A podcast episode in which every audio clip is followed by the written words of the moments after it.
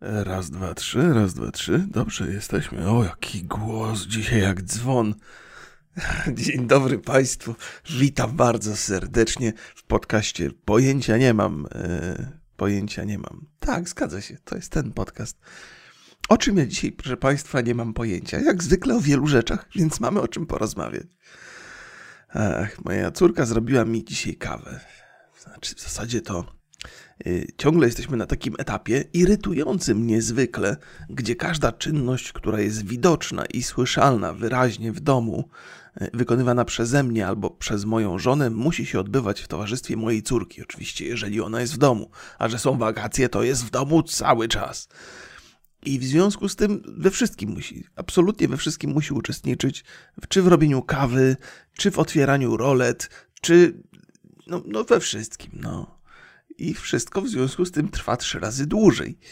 I nie mogę się już doczekać, kiedy ten etap się skończy. On jest uroczy na swój sposób. Olu, robię kawę, robisz ze mną? Tak. Nalewam mleczka do kawy, nalewasz ze mną? Tak. Trzeba zapytać, bo jak się nie zapyta, to ona za chwilę przybiega z płaczem. Nie nalałam kawy z tatą. Jak ona mówi, z tatem? I no i rozpacz oczywiście czarna, no. Wakacje to jest trudny czas dla rodzica, który ma dziecko w wieku przedszkolnym i to dziecko już przyzwyczajone jest do e, przedszkolnych e, emocji i wrażeń.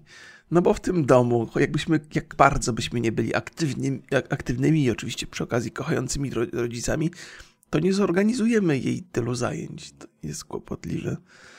I tak sobie myślę, że w czasach pandemii dla rodziców, którzy zostali postawieni przed tą sytuacją, że nagle muszą przestać chodzić do pracy, e, bo trzeba się zająć dzieckiem, z którym nie można zrobić nic innego, to musiało być trudne. W sensie takim, że jak do tej pory były pandemie, to ja miałem, byłem przyzwyczajony do tego, że dziecko jest z nami, bo nie mogliśmy znaleźć miejsca w przedszkolu. A propos, to dla państwa rządzących jak już chcecie, żeby Polacy mieli dużo dzieci, to nie tylko o to chodzi, żeby im dawać pieniądz, tylko żeby można było coś z tymi dziećmi zrobić, żeby były przedszkola dostępne, żeby w szkołach było miejsce, w szkołach pewnie jest. No bo, no bo jest dziadostwo, no.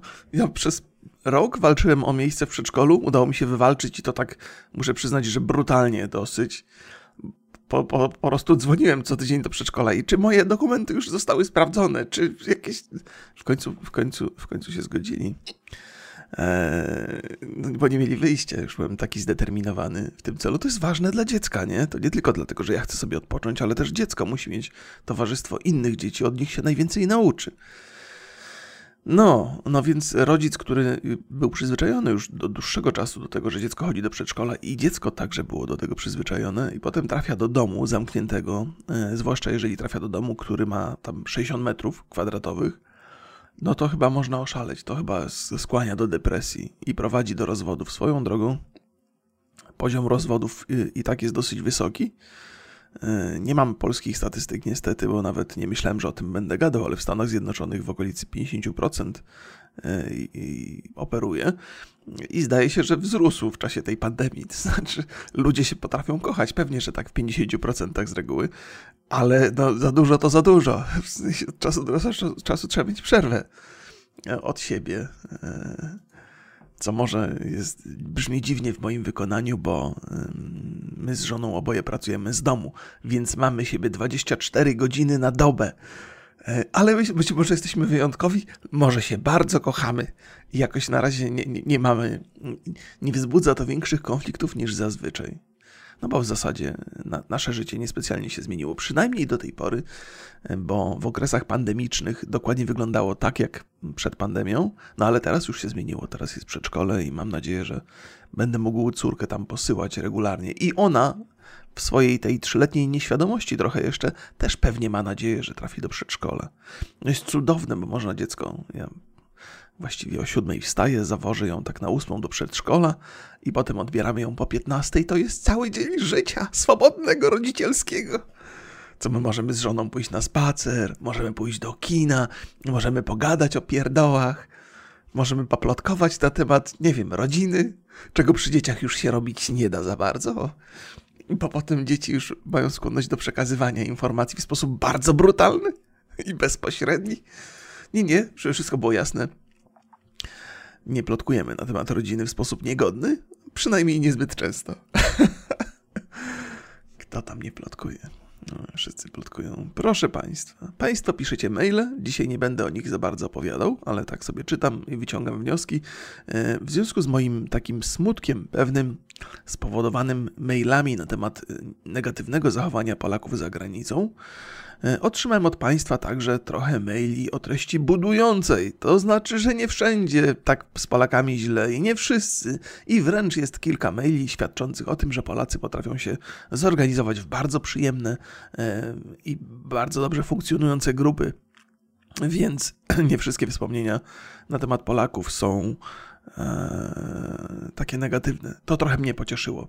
E, swoją drogą chciałbym bardzo serdecznie pozdrowić wszystkich słuchaczy zagranicznych. Oczywiście polskich też pozdrawiam, no ale to jesteśmy tutaj tak blisko siebie, że to ciężko kogoś pozdrawiać, nie? Że tak jak... to nie jest tak, że na przykład spotykam swoją żonę w korytarzu i mówię pozdrawiam cię, kochanie. Nie. Do pozdrowień jest potrzebny jakiś dystans, a ten dystans z, względem zagranicy na pewno istnieje. Zaraz Państwu, niech ja znajdę tutaj, mam Mogę sobie obejrzeć statystyki. Rzadko zaglądam na statystyki podcastu, bo nie po to. To jest niezdrowe patrzeć na statystyki. To, to jest tak. Człowiek i tak wystarczająco sam się dyscyplinuje, żeby, żeby robić rzeczy dobrze. Statystyki temu nie służą. Więc Wielka Brytania stoi na topie tutaj moich e, słuchaczy zagranicznych. Potem, potem e, Niemcy, Holandia, Norwegia, Szwecja, Irlandia i Dania. Pozdrawiam bardzo serdecznie. Z kraje skandynawskie mnie zawsze bardzo ciekawią. Jeżeli obecny mój kierunek emigracyjny to jest Islandia. E, ale to są, to są fantazje, nie? żeby wszystko było jasne. Na razie, na razie e, się, się nie wybieram nigdzie. A zapytacie, ej Remigiuszu, a co tam u ciebie w życiu zawodowym? No cóż, proszę państwa, wakacje, muszę przyznać, są dosyć leniwe. Niewiele się dzieje, e, ale to tak zawsze jest, jest na wakacje. I w tej branży gier tak dosyć skromnie, nie ma jakichś wielkich premier w ogóle słabo to wygląda, ale muszę Państwu powiedzieć, że wybrałem się ostatnio do kina na Free Guy'a. To jest taki film z Ryanem Reynoldsem. Wiele Państw, Państwu nie będę opowiadał o tym filmie, bo e, dzisiaj jeszcze będę nagrywał podcast z Borysem na ten temat. Ten podcast powinien do Państwa trafić 17 e, sierpnia. O, swoją drogą, opublikowałem swój osobisty podcast, pojęcia nie mam na YouTubie, to też jest w ramach rzeczy zawodowych. I on, proszę bardzo, ogląda się nie najlepiej, ale nie szkodzi. nie szkodzi, nie szkodzi. Podcasty, podcasty to jest taka y, dosyć y, nietypowa treść, uważam. Y, I każde obejrzenie na YouTubie podcastu, który trwa ponad godzinę i siedzi gościu, gadająca głowa i gada, i że to się obejrzy, to jest absolutny sukces. Więc, więc taką sobie wybrałem nową branżę, że cokolwiek, jakiekolwiek nie masz osiągnięcia, jest to absolutny sukces i bardzo dobrze. Trzeba myśleć pozytywnie. No, ale, ale już jutro sobie pogadamy, znaczy na jutro sobie pogadamy z Borysem o Frigaju. I Borys bardzo zapalony jest do tego tematu. Po obejrzeniu filmu, wczoraj w niedzielę o 21.30 poszedłem na seans. E, I, I też nie dziwię się, bo fajny temat, świetnie, e, świetnie zrobionych e, parę wątków. W ogóle cały film jest fajny. Ja uwielbiam Ryana Reynoldsa, ale nie będę Państwu opowiadał żeby, żeby, żeby nie spalić sobie tej rozmowy z Borysem. Po, po, po powrocie z wakacji, gdzie bardzo doceniłem e, basen i ilość kalorii spożywaną podczas, znaczy spożywaną, zużywaną, zużywaną podczas pływania, e, zapisałem się na baseny tutaj, także we Wrocławiu będę chodził sobie dwa razy w tygodniu. W niedzielę bardzo wcześnie, w tygodniu w okolicach 15 godziny, jako że basen znajduje się w centrum miasta, to o 15 i 16 to nikt tam nie dojeżdża, bo wszyscy są w ruchu z pracy do pracy, raczej z pracy, w korkach stoją i tak dalej, więc uznałem, że tak w środę albo w czwartek o 15 będę też chodził na baseny. I, I zastanawiam się, próbuję to jakoś strategicznie rozwiązać. Jako, że muszę, na ten basen mam zaledwie 10 minut samochodem, ale w tych korkowych sytuacjach w okolicach godziny 15 to może potrwać z 30 minut. I zaczynam sobie kalkulować w głowie, czy to ma sens E, czy to się opłaca, czy, czy nie będę w, w, wkurzony siedział w tym samochodzie i, i, i, na ten basen czekał. Ale tak czy inaczej, popływałem. E, nie jestem wybitnym pływakiem, pływania uczyłem się praktycznie sam. E, trochę szwagier mnie pokierował, ale od momentu, kiedy byłem w stanie się utrzymać na wodzie już w jakiś sposób, to wszelkie style pływackie opanowywałem sam, więc y, jedyny styl, jakim pływam, to jest e, taka, nie wiem, taka kaleka żabka?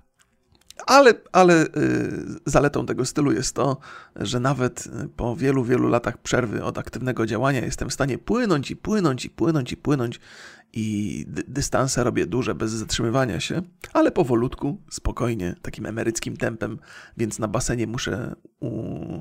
Muszę ustępować drogi takim bardziej aktywnym pływakom, ale jakoś e, ruch na basenach jest także niewielki, bo ograniczenia w klientach są sprowadzone do 50% naturalnego stanu. W związku z tym z reguły maksymalnie dwie osoby są na, na jednym pasie, więc można się mijać dosyć swobodnie. Więc z basenów jestem bardzo zadowolony. Moja żona patrzy na mnie e, z pewnym zaskoczeniem i trochę z niepokojem, bo coraz częściej wychodzę z domu, e, jestem bardzo aktywny fizycznie, a moja żona przeczytała, że to są e, symptomy świadczące o aktualnej zdradzie bądź ewentualnie zbliżającej się że jeszcze jak jestem tutaj w domu i pracuję dużo i ćwiczę w domu, to jestem pod pełną kontrolą mojej żony, ale moment, w którym wychodzę z domu, zaczyna być dla niej niepokojący, bo się naczytała o zdradach. O, mówiłem Państwu, że ona czyta. E, czyta czytała ostatnio o tych seksoholikach, e, czytała też o Tinderze, więc E, więc e, jest podejrzliwa teraz. Zwłaszcza jak wczoraj poszedłem wieczorem do kina, to już w ogóle zareagowała bardzo gwałtownie. Powiedziała, jak to? A ja mówię, kochanie, to do pracy. Takie mam obowiązki, taką mam pracę, że wszystko, co robię, jest e, w ogromnym stopniu rozrywką.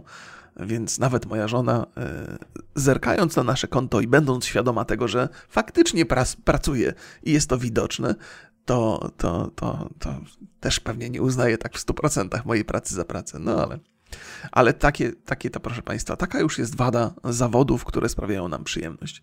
Jeżeli robimy coś, co sprawia nam przyjemność, to należymy szczęśliwie do, jednak do mniejszości, no ale z drugiej strony ta większość będzie na nas patrzyła trochę z góry, że nasza praca nie do końca jest pracą i w ogóle byśmy się wzięli za coś porządnego, przykład kopanie rowów albo, albo coś, żeby się spocić a, a nie.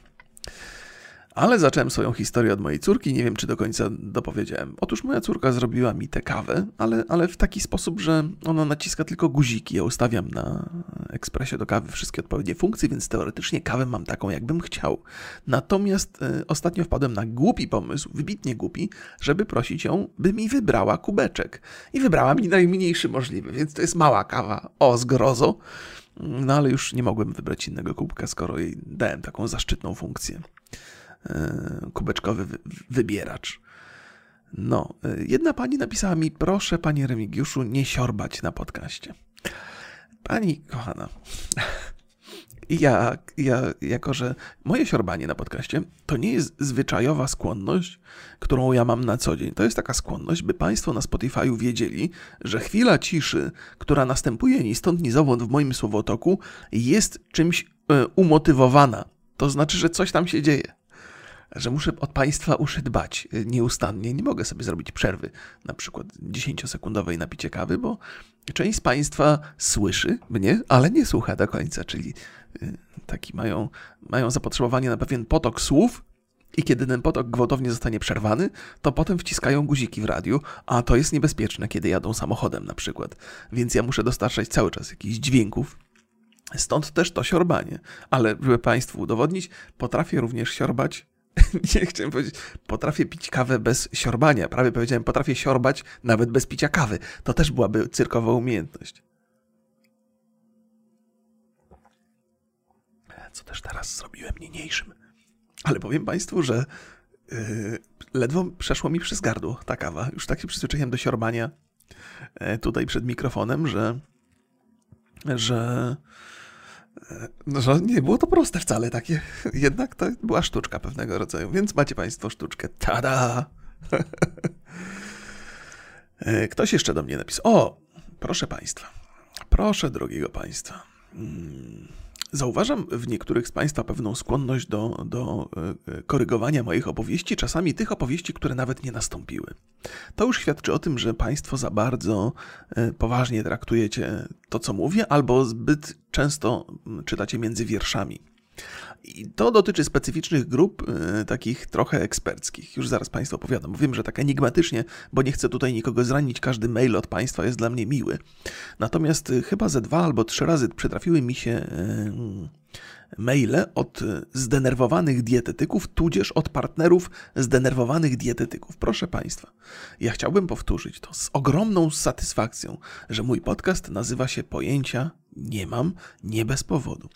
Kiedy opowiadam o swoich dietach, to z reguły opowiadam o nich w sposób taki niezachęcający Państwa do powielania moich tutaj yy, pomysłów, ponieważ się nie znam na tym. Więc, po pierwsze, jeżeli chodzi o moją dietę, to moją ulubioną jest taka, która opiera się na niewielkiej ilości węglowodanów, ale nie jest to dieta keto. keto. Ona jest trochę pochodną diety keto, ale ja nie, nie, nie, nie jestem fanem, bo ja Dieta keto wymaga dyscypliny. Ja dyscyplinę lubię niezwykle mocno, ale też nie lubię siebie terroryzować. Lubię od czasu do czasu zjeść coś innego w towarzystwie mojej, moich dzieci, mojej żony, dlatego że, że, że jestem osobą towarzyską. I keto niestety wyklucza tego typu zachowania, więc nie, nie, nie, nie. Ja nigdy nie mówiłem, że jestem na keto i nigdy nie, nie zachęcałem Państwa do, do przechodzenia na keto. To nie jest prosta dieta. Więc jeżeli ktoś e, usłyszał w mojej wypowiedzi tego typu zachętę, to tylko dlatego, że czyta między wierszami. Nie, nie, nie, w żadnym razie.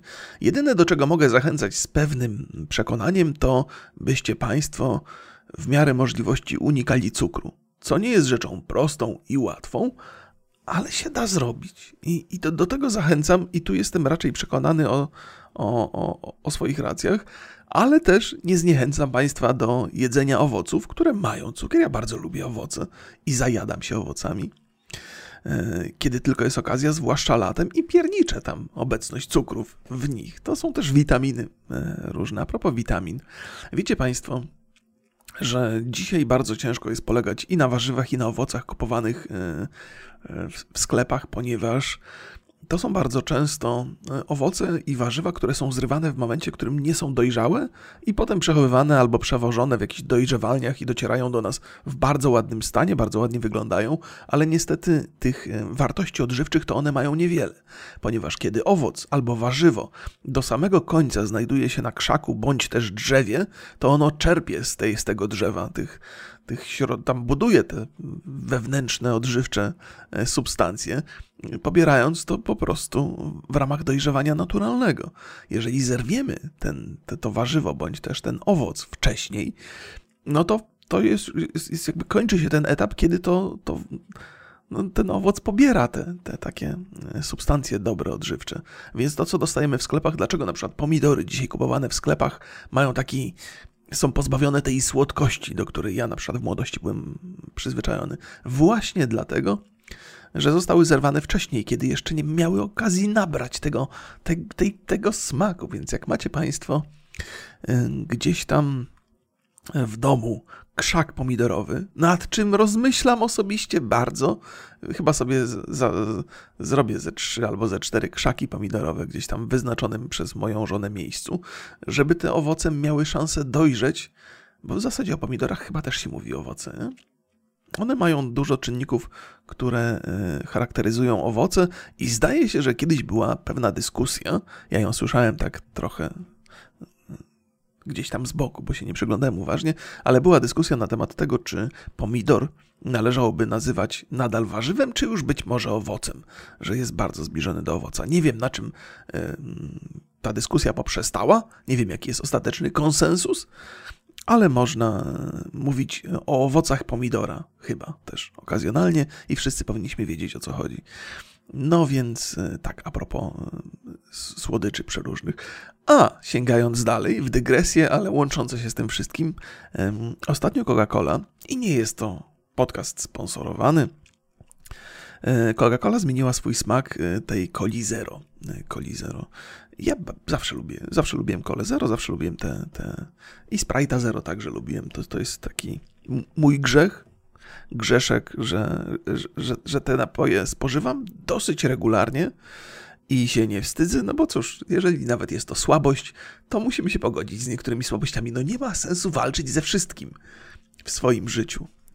Nawet jeżeli potencjalnie może być to złe, chociaż powiedziałbym, że te napoje zero, no to jedyne co jest w nich złe, to to, że prze, przelatują przez organizm, nie pozostawiając specjalnie śladu, więc nie dostarczają żadnych wartości. No to jest pewnie minus, ale chyba podobny minus ma woda. Mm, y, oczywiście nie, nie. Wszystko było jasne. Źle powiedziałem. O rany, ale ta wpadka by, byłaby straszna, gdybym tego nie. Woda absolutnie jest cudowna, wszelkie inne napoje nie do końca, żeby wszystko było jasne. Nic, nie śmiałbym nic porównywać z wodą. Przepraszam za to, to był błąd, to był skrót myślowy, okej, okay, okej. Okay. Wiem, wiem, że są osoby, które nie przepadają za tymi napojami, to tutaj by wewnętrzną eksplozję, do, doznałyby wewnętrznej eksplozji. Nie, nie, wodę trzeba pić, ja pijam wodę, także w dużych ilościach. No dobrze. No i, i, właśnie, a propos tej coli, dlaczego o tym wspominam? Bo y, pojawił się nowy smak, teoretycznie przynajmniej. Y, I kiedy się pojawił on w Polsce, to pojawiły się także nagłówki y, w, w, w takich różnych serwisach informacyjnych. Nagłówki równie wiarygodne jak, e, nie wiem, święty Mikołaj na, uprawiający balet, e, że oburzeni są, e, oburzeni są fani coli zero na ten nowy smak, że on jest straszny. Otóż nie powiedziałbym. Skosztowałem nowej coli zero i wydaje mi się ona całkiem smaczna. Chyba jest trochę inna. Niewątpliwie jest mniej słodka. I to jest coś, co ja zawsze przyjmuję z, z, z ogromną przyjemnością, bo, e, bo jak rzeczy są mniej słodkie, to dobrze. E, I, e, ale przeprowadziłem pewien test właśnie tej słodkości. Otóż do tej pory, jak kupowałem kolę tradycyjną, znaczy, przepraszam, nie, coli tradycyjnej to już od lat nie piję, ale tą tradycyjną kolę zero, czyli poprzedni smak, to jest strasznie, strasznie nużący temat. Przepraszam Państwa, ale muszę powiedzieć, no bo noszę go w sobie już chyba ze trzy tygodnie. Mm, to dolewałem sobie gdzieś tam e, wody gazowanej do tego, tak pół na pół, pół, pół coli zero, pół wody gazowanej, bo było to dla mnie za słodkie. Przy tej nowej coli to nie jest mi potrzebne, od tyle, więc uważam, że jest mniej słodka. Koniec tematu. Nie będę na ten temat Państwu więcej opowiadał. Powiem natomiast Państwu, co też wielkiego słychać na świecie i jak długo informacje są e, e, ciekawe z perspektywy serwisów informacyjnych. Ja e, opowiadałem Państwu z taką pewną ostrożnością, że dużo informacji, które mam o świecie, czerpię z BBC. E, opowiadają Państwo, że BBC niestety nie jest przesadnie wiarygodne, że może kiedyś było, ale że teraz już nie jest, e, bo jest lewackie. Tak, to jest tak chyba niektórzy określają. Otóż, proszę Państwa, chyba nie jest. Mnie interesuje przede wszystkim BBC News i bardzo jestem, e, bardzo jestem, jak to się mówi, ostrożny w kwestii rozróżniania faktów oraz interpretacji, bo jednym z większych problemów współczesnego dziennikarstwa jest to, że się interpretuje wiadomości, a się ich nie przedstawia w sposób dokładny. I muszę przyznać, że w BBC tego typu interpretacji jest niewiele, natomiast faktów jest bardzo dużo, co, co też sobie chwalę. Jedyne takie wyraźne błędy, które dostrzegam w informacjach pochodzących z BBC, to są błędy dotyczące informacji na temat Wielkiej Brytanii. Kiedy BBC pisze o Wielkiej Brytanii albo pisze o jakichś takich konfliktach między Wielką Brytanią a resztą Europy, to zdarza im się pomijać pewne istotne informacje. Na przykład jedna taka, która mi bardzo wpadła w, w, w ucho jakiś czas temu, to informacja na temat szczepień AstraZeneca. Otóż, mam nadzieję, że dobrze pamiętam, bo tych szczepionek są trzy. W Wielkiej Brytanii są dwie fabryki, jedna w Europie Zachodniej, E, Astry. I w związku z tym, że te fabryki są tak blisko, to oni, Brytyjczycy, podebrali te, te szczepienia e, Unii Europejskiej bo AstraZeneca miała dostarczyć Unii Europejskiej jakąś określoną partię szczepionek, ale tego nie wykonała, ponieważ Brytyjczycy sobie wzięli. I kiedy BBC przedstawiało te informacje, opisali problem między AstraZeneką a Unią Europejską, pomijając kompletnie e, kwestię Wielkiej Brytanii i tego, że te szczepionki tam utknęły. I przy, przytrafiło się parę jeszcze takich tematów, gdzie, gdzie taka trochę y, wątpliwa, y, y, wątpliwy udział Wielkiej Brytanii w jakimś tam konflikcie albo w jakiejś sprawie, albo jakieś wątpliwe zachowanie Wielkiej Brytanii było pomijane w tych, w tych raportach. Ale tak czy inaczej pozostałe rzeczy nie były interpretacjami, interpretacjami wiadomości, tylko były faktami, tyle że nie wszystkie szczegóły w tych, w tych faktach zostały podane. Więc tak, nadal czytuję BBC, oczywiście zawsze ostrożnie, bo po pierwsze sam wiem, po drugie oczywiście jestem też świadom Państwa uwag na temat tego, jak wiadomości zostały, przekaz zostały przekazane. Chciałem także powiedzieć, że e, Jestem ciekaw, czy w Polsce jest taki serwis, który zajmuje się przekazywaniem informacji ze świata, który byłby w miarę rzetelny i co do którego można mieć zaufanie. To jest trudna sprawa w naszym kraju, wydaje mi się, bo no niestety te serwisy informacyjne działają na zasadzie e, skutecznych clickbaitów. E, skuteczne clickbaity niestety nie zawierają w sobie wątku rzetelnej informacji. Clickbait wystarczy, by napędzić czytelników i to jest bieda z nędzą. To jest strasznie zły mechanizm i bardzo mi się to nie podoba. No ale co zrobić? No to jest taka pa pa patologia dziennikarstwa i być może kiedyś to się skończy. Zastanawiam się, czy nie przydałaby się jakaś taka instytucja e, międzynarodowa, która przyznawałaby certyfikaty serwisom informacyjnym że masz ten certyfikat y, i jest jakaś podstawa dla czytelnika, by traktować cię jako rzetelne źródło informacji. E, no bo, bo z tym jest problem i nie wiem, czy to, nie wiem, czy instytucja międzynarodowa by z, rozwiązałaby ten problem, bo w tej instytucji także byliby ludzie o jakichś poglądach i oni też by te, te certyfikaty mogli mm, przyznawać, ale mam, mam pewne zaufanie do, do, do, no, że gdzieś musi być, musi być jakiś, e, jakieś takie miejsce, czy jacyś tacy ludzie, którzy są rzetelni i uczciwi. No, mus, oni gdzieś muszą być, nie? Jakby wszędzie w tym internecie patrzymy, patrzymy na ludzi, którzy są niewiarygodni, którzy albo się opierają, opierają na wybiórczych informacjach, albo generują informacje pod własne potrzeby. Wszędzie tego jest pełno, jesteśmy tym zasypani, ale gdzieś muszą być uczciwi, rzetelni ludzie. I, no i dobrze było, gdy, ale nie można ich odnaleźć. To ciężko jest, ciężko ich odnaleźć w tym chaosie nie? informacyjnym. Więc zastanawiam się, czy gdzieś w Polsce się dostarcza te informacje w sposób rzetelny. Fakty, fakty i tylko fakty. No ale widzicie, jakby w odniesieniu do BBC, nawet te fakty można przedstawiać uczciwie, ale wybiórczo. No i wtedy też nie mamy dostępu do, do pełnej informacji. Więc uważam, że BBC w ten sposób manipuluje informacją, zwłaszcza jeżeli chodzi o, o, o Wielką Brytanię. E, co się wydarzyło, proszę Państwa? Ile czasu to trwało? Oczywiście najbardziej bieżąca informacja dotyczy Afganistanu i ofensywy e, talibów e, na Kabul obecnie. Myślę, że to już jest, już jest końcówka tej, tej błyskawicznej wojny w Afganistanie. W zasadzie nie, bo ta wojna to jest 20 lat trwała tam obecność żołnierzy amerykańskich, ale ta, ta kontrofensywa, to odzyskiwanie Afganistanu przez talibów, to dosyć błyskawicznie się odbywa, nikt się tego nie spodziewał. Nie będę Państwu nawet próbował e, opowiadać, że rozumiem sytuację tam e, w Afganistanie, bo, bo nie przyglądam się temu jakoś super uważnie, ale czytam te artykuły, to jest, e, to jest bardzo bieżąca rzecz. Ona już w serwisach informacyjnych funkcjonuje od 4-5 dni i to jest, i to jest no, jedna z większych historii. Opowiem Państwu, jak, jak wyglądają. Wrócimy sobie do tego Afganistanu, opowiem Państwu to, co wiem. Natomiast informacje, długość, jakby żywotność informacji w internecie bardzo mocno pokazuje to, jak ludzie się interesują, czym się ludzie interesują, no bo te wszystkie serwisy informacyjne jednak szukają czegoś bardzo klikalnego. Więc Afganistan jest na topie. Przez trzy dni mówiono o Apple i o tym, że mm, będą telefony wykrywały dziecięcą pornografię y, samodzielnie. O tym też Państwu postaram się chwilkę opowiedzieć.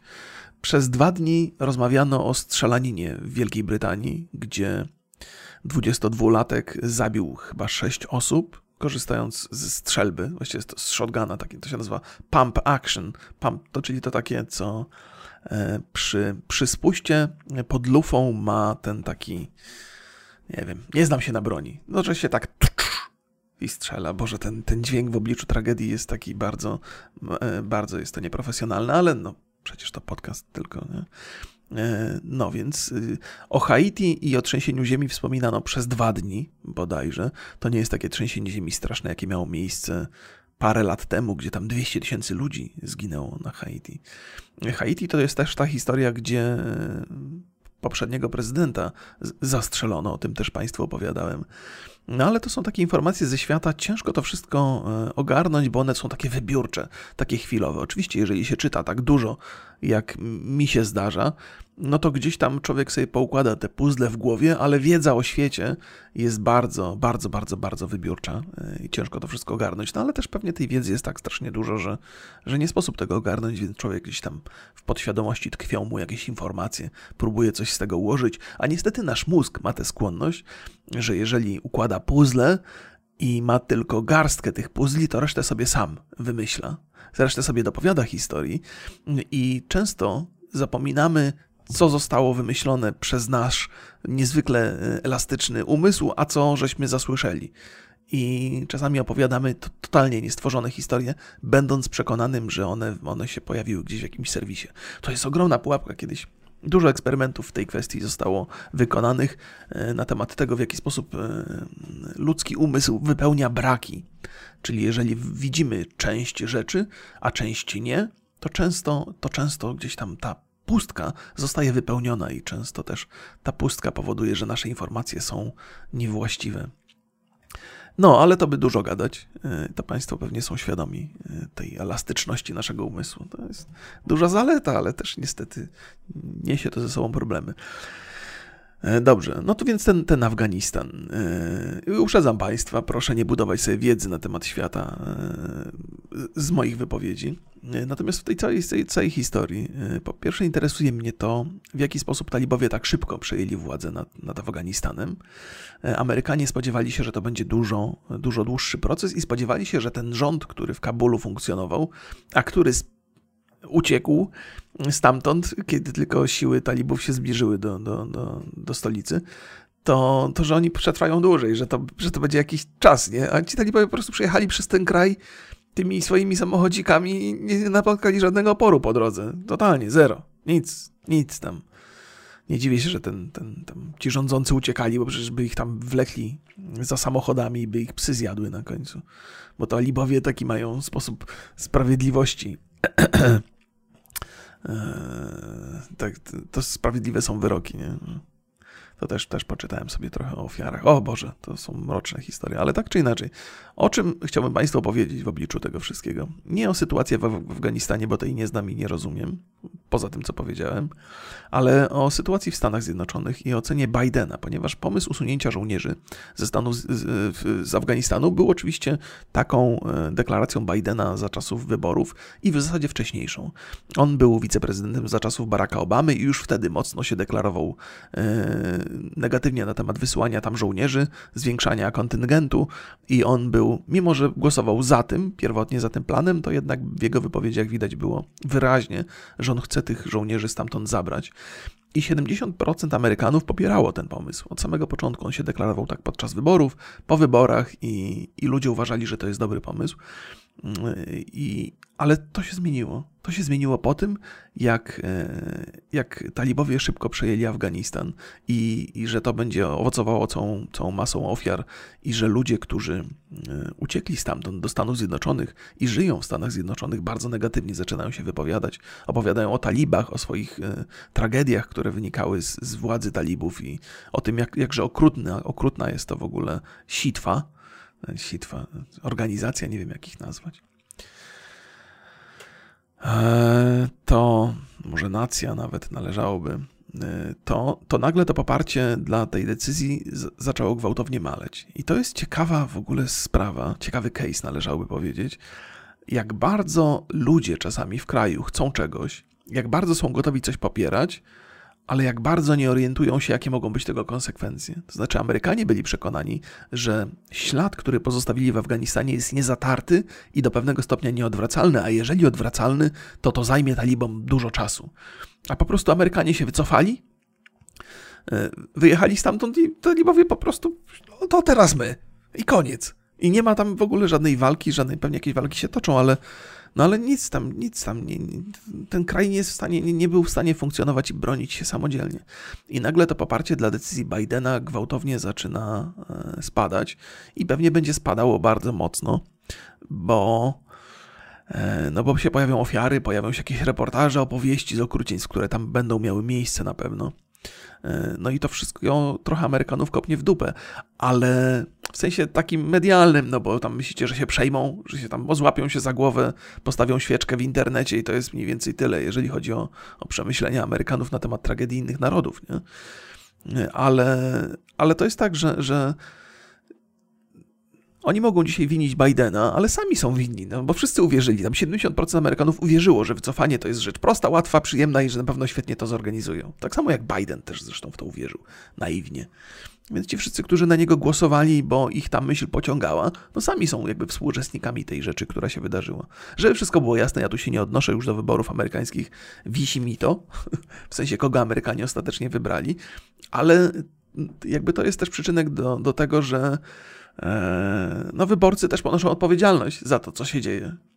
Że, że to, to, jest, to jest tak, że, że to nie jest tak, że na przykład jeżeli my mamy rząd, który robi rzeczy, jakie mo może nam się nie podobają, to nie jest tylko i wyłącznie wina rządu.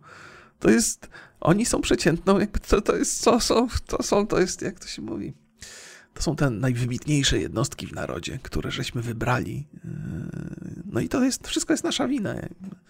To łatwo się, łatwo i oczywiście należy patrzeć rządzącym na ręce, ale trzeba też sobie patrzeć na ręce. E, no i to jest to, co mi w tym, poza całą masą różnych e, opowieści, to jest coś, co mi utkwiło w głowie po, po tej analizie e, sytuacji w Afganistanie że nie możemy zapominać o tym, że nawet jeżeli nasz rząd, nawet jeżeli żeśmy na niego nie głosowali, ale podejmuje złe decyzje, no to to są trochę nasze, nasza wina także jest, nie? No bo oni są przedstawicielami. No. A nam się tak wydaje chyba, że, że jeżeli rządzący zrobią coś źle, to nie ja, to, to oni. To też trochę ja. No, może nie przekonałem ludzi, by, by dokonywali innych y, pomysłów wyborczych. Może taka była moja rola, a może nie. Nie wiem. Nie chcę też jakby brać odpowiedzialności y, na siebie, bo czemu? Bo czemu? Co ja jestem? Co ja się będę tu batorzył? E, ale, e, ale trzeba pamiętać, że będąc wyborcą, także ponosimy trochę odpowiedzialności za to, co rządzący robią. Więc te 70% Amerykanów mogą mieć pretensje do Bidena, że nie zorganizował tej, e, tej ewakuacji żołnierzy w sposób należyty. No ale to sami też są trochę winni temu wszystkiemu. Swoją drogą, a propos polskich informacji dotyczących Afganistanu, to tam jest pewien problem, bo są też placówki dyplomatyczne polskie tam i tych pracowników polskich niespecjalnie niespecjalnie y, ma kto wywieźć stamtąd. Polacy trochę liczą na wsparcie Amerykanów, ale Amerykanie mają swoje problemy związane z tym. No i nie wiem, jak ci Polacy stamtąd wyjadą. Nie wiem, jak się ta sytuacja rozwija. BBC o tym nie pisze, a polskie serwisy informacyjne też w zasadzie nie wspominają o Afganistanie za bardzo, więc nie wiem. Muszę sobie przesłuchać raport o stanie świata Dariusza Rosiaka. On tam bardzo tak e, e, zaprasza gości, którzy mają pojęcie w tych sprawach, więc e, więc pewnie i o tym będzie, a może już było, to muszę sobie prześledzić e, Spotify'a, e, żeby to, żeby to zobaczyć. No i tyle, jeżeli chodzi o moje międzynarodowe opowieści e, niskich lotów. Tyle, tyle poczytałem, tyle wniosków wyciągnąłem. A właśnie, pogadajmy sobie trochę o tych. A może, może, może zejdźmy trochę z tych mrocznych tematów i opowiem Państwu o tym, co w Polsce się wydarzyło ostatnio, co mnie trochę rozbawiło. I to są takie da, przeczytam Państwu. Straż Miejska prowadzi czynności sprawdzające w sprawie interwencji w jednym z autobusów, do której doszło 8 sierpnia. Funkcjonariusze wciągnęli z pojazdu i obezwładnili kobietę, która nie chciała założyć swojemu psu kagańca. I jest z tego nagrania uroczy filmik w internecie. Powiecie, jak możesz mówić uroczy, przecież tam do przemocy dochodzi. No dochodzi do przemocy, ale kiedy przemocy towarzyszy jakieś takie głębokie poczucie sprawiedliwości, to człowiek jakąś, z jakąś satysfakcją e, to ogląda. To jest jednak, widzicie, no, trochę jesteśmy tacy ja nie jestem taki super cywilizowany, jakbym chciał, ok? Mogę być z Państwem zupełnie szczery. Jak, jak widzę, że ktoś się zachowuje w sposób niegodny, chamski, bardzo, no taki egoistyczny, w sposób widowiskowy, jest to na nagraniu i ktoś mu daje w mordę temu, temu ktośowi, to ja mam takie głębokie poczucie sprawiedliwości, że oto sprawiedliwość się wydarzyła. W związku z tym, że moja wiara, moje, moje religijne przemyślenia są e, zerowe, no to myślę sobie, że jedyna sprawiedliwość, jaka nas może spotkać, to w tym tutaj świecie. I, I, kiedy od czasu do czasu się przydarzy, to myślę sobie, och, jak tutaj te puzzle do siebie, jak to pasuje do siebie, że to tak No więc tą dziewczynę wytargali z tego autobusu. Muszę przyznać, że nie, nie tak, żeby ją jakoś bili. Ona ich bardziej kopała niż, niż, niż ci strażnicy ją, więc myślę, że ona też będzie mm, miała większe problemy. Nie tylko to, że nie chciała wyjść z tego autobusu, ale także zachowała się agresywnie i kopała tych. Ale oni ją złapali za ręce, ona ich zaczęła z buta, z buta, z buta, tych strażników. Ale zachowali się ci strażnicy bardzo sensownie, przeprowadzili szybką interwencję. Ale o co chodziło? w tej opowieści, która wydaje mi się dosyć zabawna, jak powiedziałem, satysfakcjonująca. Przepraszam, żeby wszystko było jasne. Gdyby wytargali faceta, to, to nie chodzi o to, że kobietę tam potraktowali niegodnie i tutaj moje szowinistyczne zapędy nagle, och, mogę, pobili dziewczynę. Nie, nie, nie, nie nic z tych rzeczy. Nie, nie, tu chodzi to o takie poczucie sprawiedliwości. że dziewczyna przewoziła psa Haskiego, zdaje się, w, w autobusie, chyba był autobus, ewentualnie tramwaj. I ten pies był. Y, I przepisy dotyczące, dotyczące noszenia kagańców są zróżnicowane, natomiast jeżeli chodzi o takie y, zamknięte przestrzenie, jak na przykład autobus, to tam są wewnętrzne przepisy. Pierwszy przepis jest taki, że trzeba spełniać y, prośby kierowcy. Jeżeli kierowca, kierowca jest królem autobusu, pojazdu, i jeżeli on mówi, że masz psu założyć kaganiec, to masz psu założyć kaganiec i to nie musi być nawet wyszczególnione w jakichś przepisach. To jest pierwsza rzecz. Więc trzeba słuchać kierowcy. A jeżeli się nie podoba, no to można wysiąść zawsze. To nie jest tak, że kierowca może nas zmusić do wszystkiego. Można wysiąść i się poskarżyć. E, ale jeszcze w ramach regulaminu e, tych wszystkich pojazdach jest też obowiązek zakładania kagańca zwierzęciu, bo zwierzę nawet, zwierzę nawet łagodne i należące do tych gatunków, które są łagodne, bo też są różne gatunki i tam też różne przepisy są dotyczące tych zwierząt i kagańców, no to może się dużo dziwnych rzeczy wydarzyć, zaskakujących, które człowiek zrozumie w autobusie, ale pies może się na przykład przestraszyć i kogoś ugryźć. A ugryzienie psa to nie jest taka prosta rzecz, bo się mogą wdać jakieś zakażenia. Też czytałem komentarz jakiegoś lekarza, który mówił, że jest wiele takich sytuacji, że że te ugryzienia są po prostu brudne, dochodzi do jakichś zakażeń i czasami nawet kończynę można stracić. Więc to nie jest, nie jest tam już pomijając fakt, że nawet jeżeli nic się nie wydarzy, to zostaniemy pogryzieni przez psa, to nie jest przyjemne, ale jest, jest to sensowne, jest to uzasadnione, więc w, transporta, w transporcie miejskim zwierzętom należy zakładać kaganiec. Koniec, kropka. Tu jakby nie ma dyskusji. No i jakby kierowca prosi tę dziewczynę, żeby ten kaganiec założyła, potem ona nie chce, więc nie chce wysiąść, nie chce założyć tego kagańca, więc wzywa Straż Miejską. Straż Miejska też ją prosi, żeby założyła kaganiec, nie chce, więc ją wyprowadzają. I ona próbuje w internecie, na telefonie szukać przepisów, które, które pozwalają jej e, tam psa bez kagańca trzymać. Oczywiście ich nie znajdzie, znajdzie te ogólne, no ale autobus innymi zasadami się tutaj wedle innych zasad to wszystko tam działa. Więc no nie miała racji, została wyprowadzona. No i oczywiście 99% komentarzy na YouTubie y, czy, czy pod tym artykułem jakby popiera straż, strażników miejskich. Tu trudno jakąkolwiek inną mieć, y, jakiekolwiek inne mieć przemyślenia. Ale też pojawiają się serwisy, w których nagłówek wygląda tak. Brutalni strażnicy miejscy albo nie właściwie strażnicy miejscy brutalnie potraktowali e, delikatną dziewczynę gdzieś tam w tramwaju czy w autobusie, że jest taki, zależnie od tego, co redaktorowi się wyda bardziej klikalne, to albo e, dziewczyna została wyciągnięta w sposób uzasadniony, albo też brutalni e, strażnicy miejscy źle potraktowali dziewczynę. No i tak się, i tak to. I, i tego właśnie nie lubię, e, bo następuje tam taka wyraźnie widoczna interpretacja faktów. Informacja powinna być bardzo prosta, że doszło do incydentu, dziewczyna została wyprowadzona, ponieważ nie chciała założyć psu kaganiec. Jest film, jest krótki komentarz, koniec, kropka. Poza tym są komentarze e, czytelników, którzy mogą już tutaj e, sobie interpretować fakty tak, jak tylko sobie życzą. Są, są, jeżeli chodzi o sztukę dziennikarską, to, to są newsy powinny być określone bardzo prostymi zasadami. Tam zero interpretacji faktów, są po prostu fakty. Koniec, kropka. Jeżeli dziennikarz ma ochotę sobie pofantazjować na temat tego, co się wydarzyło, to niech on sięga po publicystykę, od tego ona jest. I on sobie tam może się dzielić opiniami, przemyśleniami, to jest jego sprawa. Ale news ma, musi spełniać pełne zasady, pewne zasady. Jak sobie myślę, powinna być ta organizacja. Panie, co mi pan tu piszesz? Swoje przemyślenia na temat tego zdarzenia. Twoim zadaniem jest przedstawienie czytelnikowi faktów, a nie, kurde, jakieś dywagacje na temat tego, kto był zły, kto był dobry, kto, twoim zdaniem zachował się należycie, a kto nie. Nie na tym polega twoja robota. Masz pisać newsy, to pisz newsy, a nie fantazjuj tutaj. Nie? Ja też pisałem w swoim życiu newsy i wiem, na czym to polega. Na czym to powinno polegać, ale to...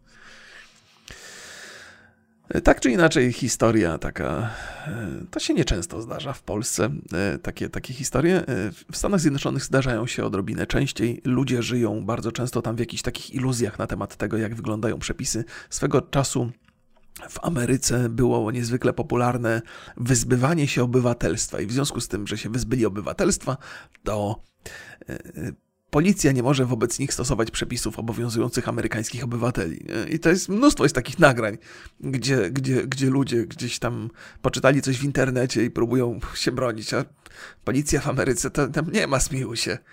Przycisną do ziemi tym, prysną gazem albo, albo zelektryzują tym paralizatorem i koniec. Chociaż dyskusja na temat tego, w jaki sposób amerykańska policja e, działa, to pewnie mogą być bardzo kontrowersyjne, bo tam się rzeczy różne zdarzają, ale. No ale policja jest od tego, no, do licha ciężkiego. Jeżeli chcemy zmieniać policję, to, na, to nie w indywidualnym spotkaniu z policjantem, ale raczej na, na, na poziomie ustawodawczym. Nie? Ale to jest złożony problem i jest niezwykle kontrowersyjny, więc w to nie będę wchodził.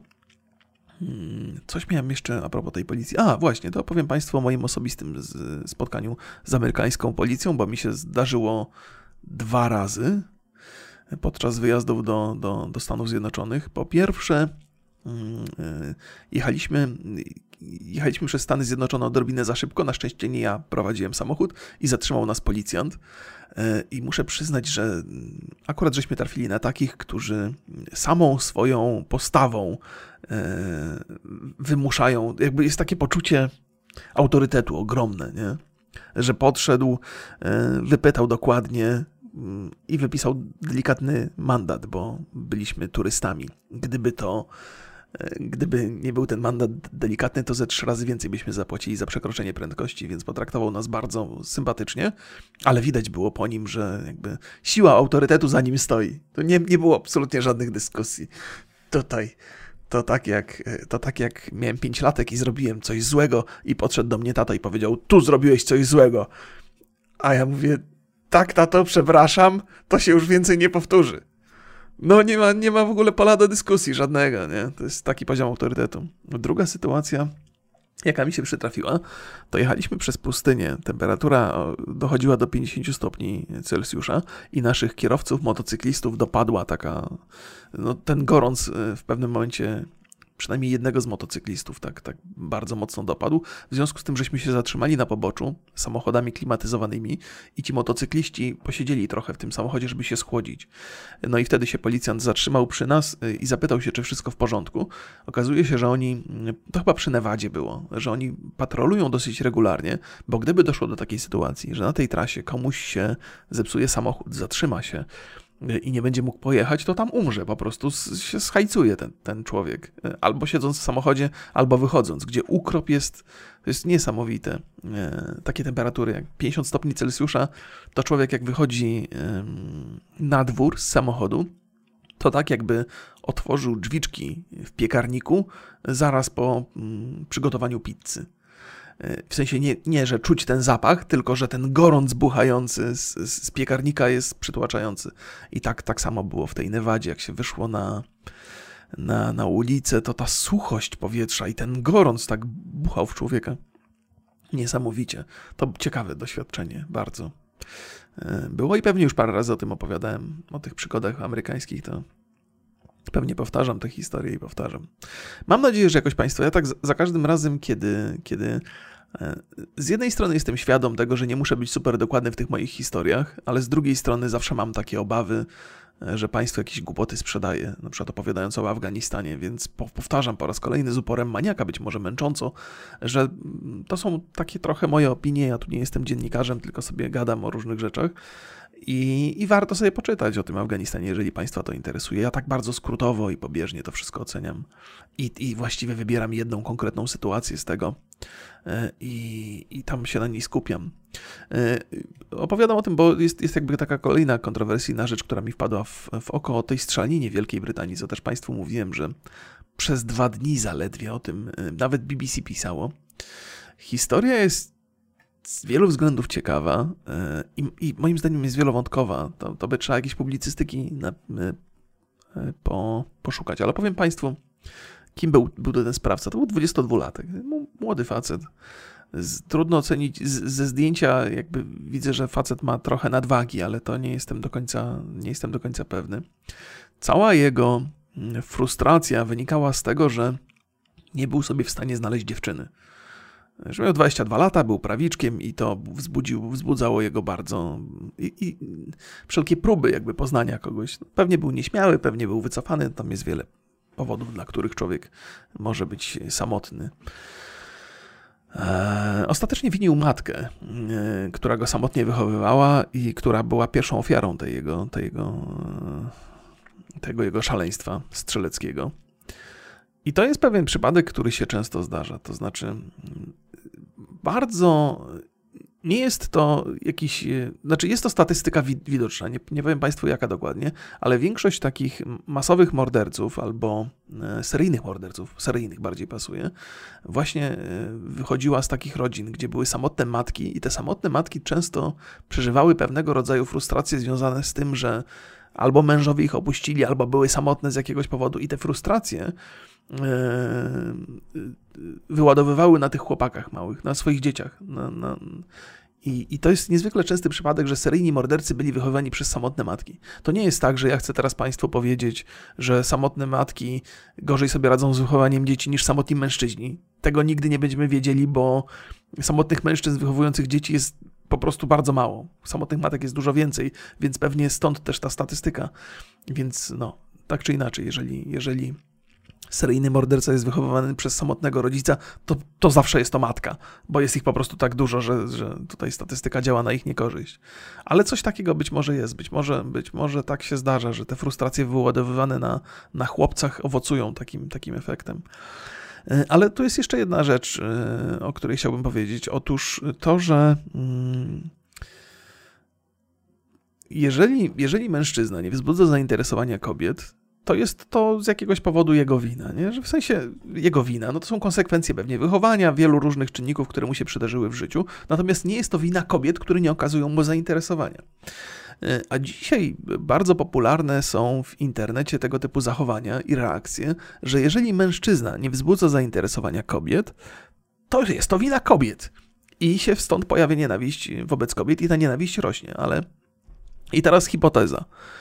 Otóż... Yy w związku z tym, że pornografia jest tak bardzo popularna, jest cholernie popularna w internecie, to jest najbardziej popularna jakby gałąź internetu, to młodzi mężczyźni otrzymują sygnały, które są nieadekwatne do rzeczywistości. To znaczy dziewczyny, które występują w tej pornografii, mają określone cechy y, i fizyczne, i pewnie psychiczne. Ich zachowanie to opowiadam o o kobietach w pornografii. To jest, to jest gruba historia i dużo na, na ten temat można by, by gadać. Ja, ja, nie o tym tym razem.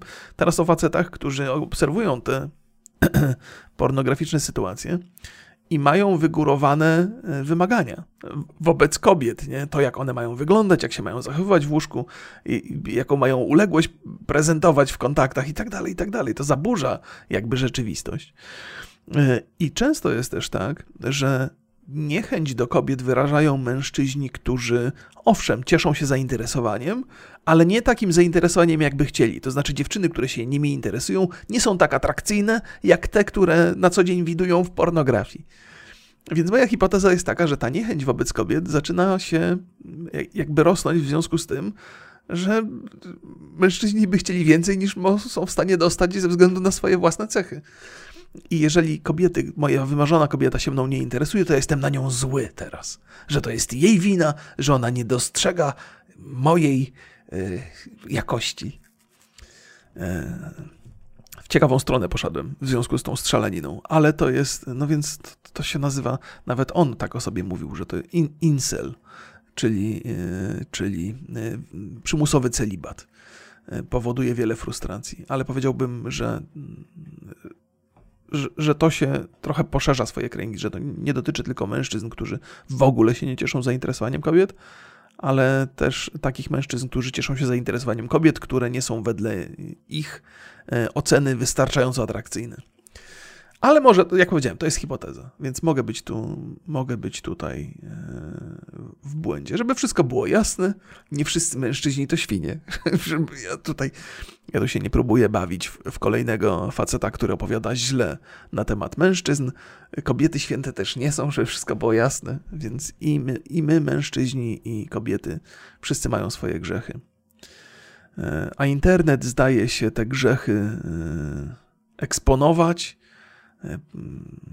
czy właściwie jeszcze je tak jakby rozwijać, pogłębiać te problemy.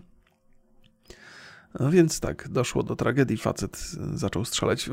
Też w okolicy tej całej sprawy toczy się dyskusja na temat broni i przyznawania pozwolenia na broń, ponieważ ten facet dwa lata temu albo rok temu stracił pozwolenie na broń, bo już e, jakoś tak się agresywnie zachowywał. Ale potem mu tę broń oddano i tę broń wykorzystał do, do strzelania do ludzi. I oczywiście dyskusja na temat posiadania broni, prawa do posiadania broni to jest rzecz e, niezwykle rozległa i w to nie będę się zagłębiał. Natomiast Natomiast w Wielkiej Brytanii jakby to kwestie broni i przyznawania licencji na broń są bardzo, bardzo restrykcyjne. Bardzo. To są, jest chyba jeden z najbardziej restrykcyjnych pod tym względem krajów w Europie. Nawet policjanci, tacy tradycyjni, nie noszą ze sobą broni. E, no tylko mają chyba jakieś paralizatory. W broń są wyposażane specjalne jednostki, kiedy, które są wzywane na miejsce, kiedy kiedy dochodzi do, do, do właśnie jakichś tam e, niebezpieczeństwa z, z, potencjalnym użyciem broni. E, ta policja chyba brytyjska trochę przypomina Straż Miejską, w tym, w tym naszą polską, w tym w odniesieniu do tego e, posiadania broni. No, ale to, to, jest, to, jest, to jest inna rzecz. Chyba. Swoją drogą, a propos, a propos broni, to jeden z, z czytelników napisał mi o o, żebym się wybrał na strzelnicę i się wybiorę. Wybiorę się na strzelnicę ku zgrozie mojej żony, bo to będzie kolejne miejsce, gdzie idę tam spełniać swoje jakieś e, rozrywkowe rzeczy. Oczywiście to jest też tak, że dla mnie to jest okazja do pracy, mogę Państwu potem opowiedzieć o swoich doświadczeniach, ale moja żona nie lubi, jak ja wychodzę i oddaję się czynnościom fizycznym. To już opowiadałem Państwu nie? na początku więc muszę jakoś jej to przedstawić w sposób łagodny i być może delikatny. Więc e, kto wie, jak mi się, jak mi się spodoba, to może też wystąpię o pozwolenie e, na broń. Chociaż oczywiście nie jestem wielkim zwolennikiem posiadania broni w domu, ale to też e, tak z, z, zobaczymy, czy to mi dostarczy trochę satysfakcji i czy jak to się robi. To jest taka wiedza, która może być ciekawa dla Państwa. Więc jestem w kontakcie pewnym z moim słuchaczem, który tą broń mi polecał sprawdzić, e, no to sprawdzę. No, trzeba różnych rzeczy. Nie można być tak negatywnie nastawionym do czegoś, nie mając oceny samodzielnego sprawdzenia. Sprawdzenia tego na własne, własne oczy. Nie, nie znajdę tego maila, przepraszam, powinienem, powinienem jakoś się odnieść. Ale dziękuję za ten mail. Pozdrawiam serdecznie. E, miałem jeszcze Państwu o Apple opowiedzieć, ale to już kiedy indziej, przy innej okazji. Już ciutko jestem zmęczony troszeczkę. Poza tym tu kawa czeka, muszę się napić koniecznie. Pani mi zabroniła siorbać na podcaście i teraz ciężko mi się pije kawę. Pozdrawiam Państwa bardzo serdecznie, dziękuję za uwagę. E, do usłyszenia przy następnej okazji. Trzymajcie się. Pa, pa.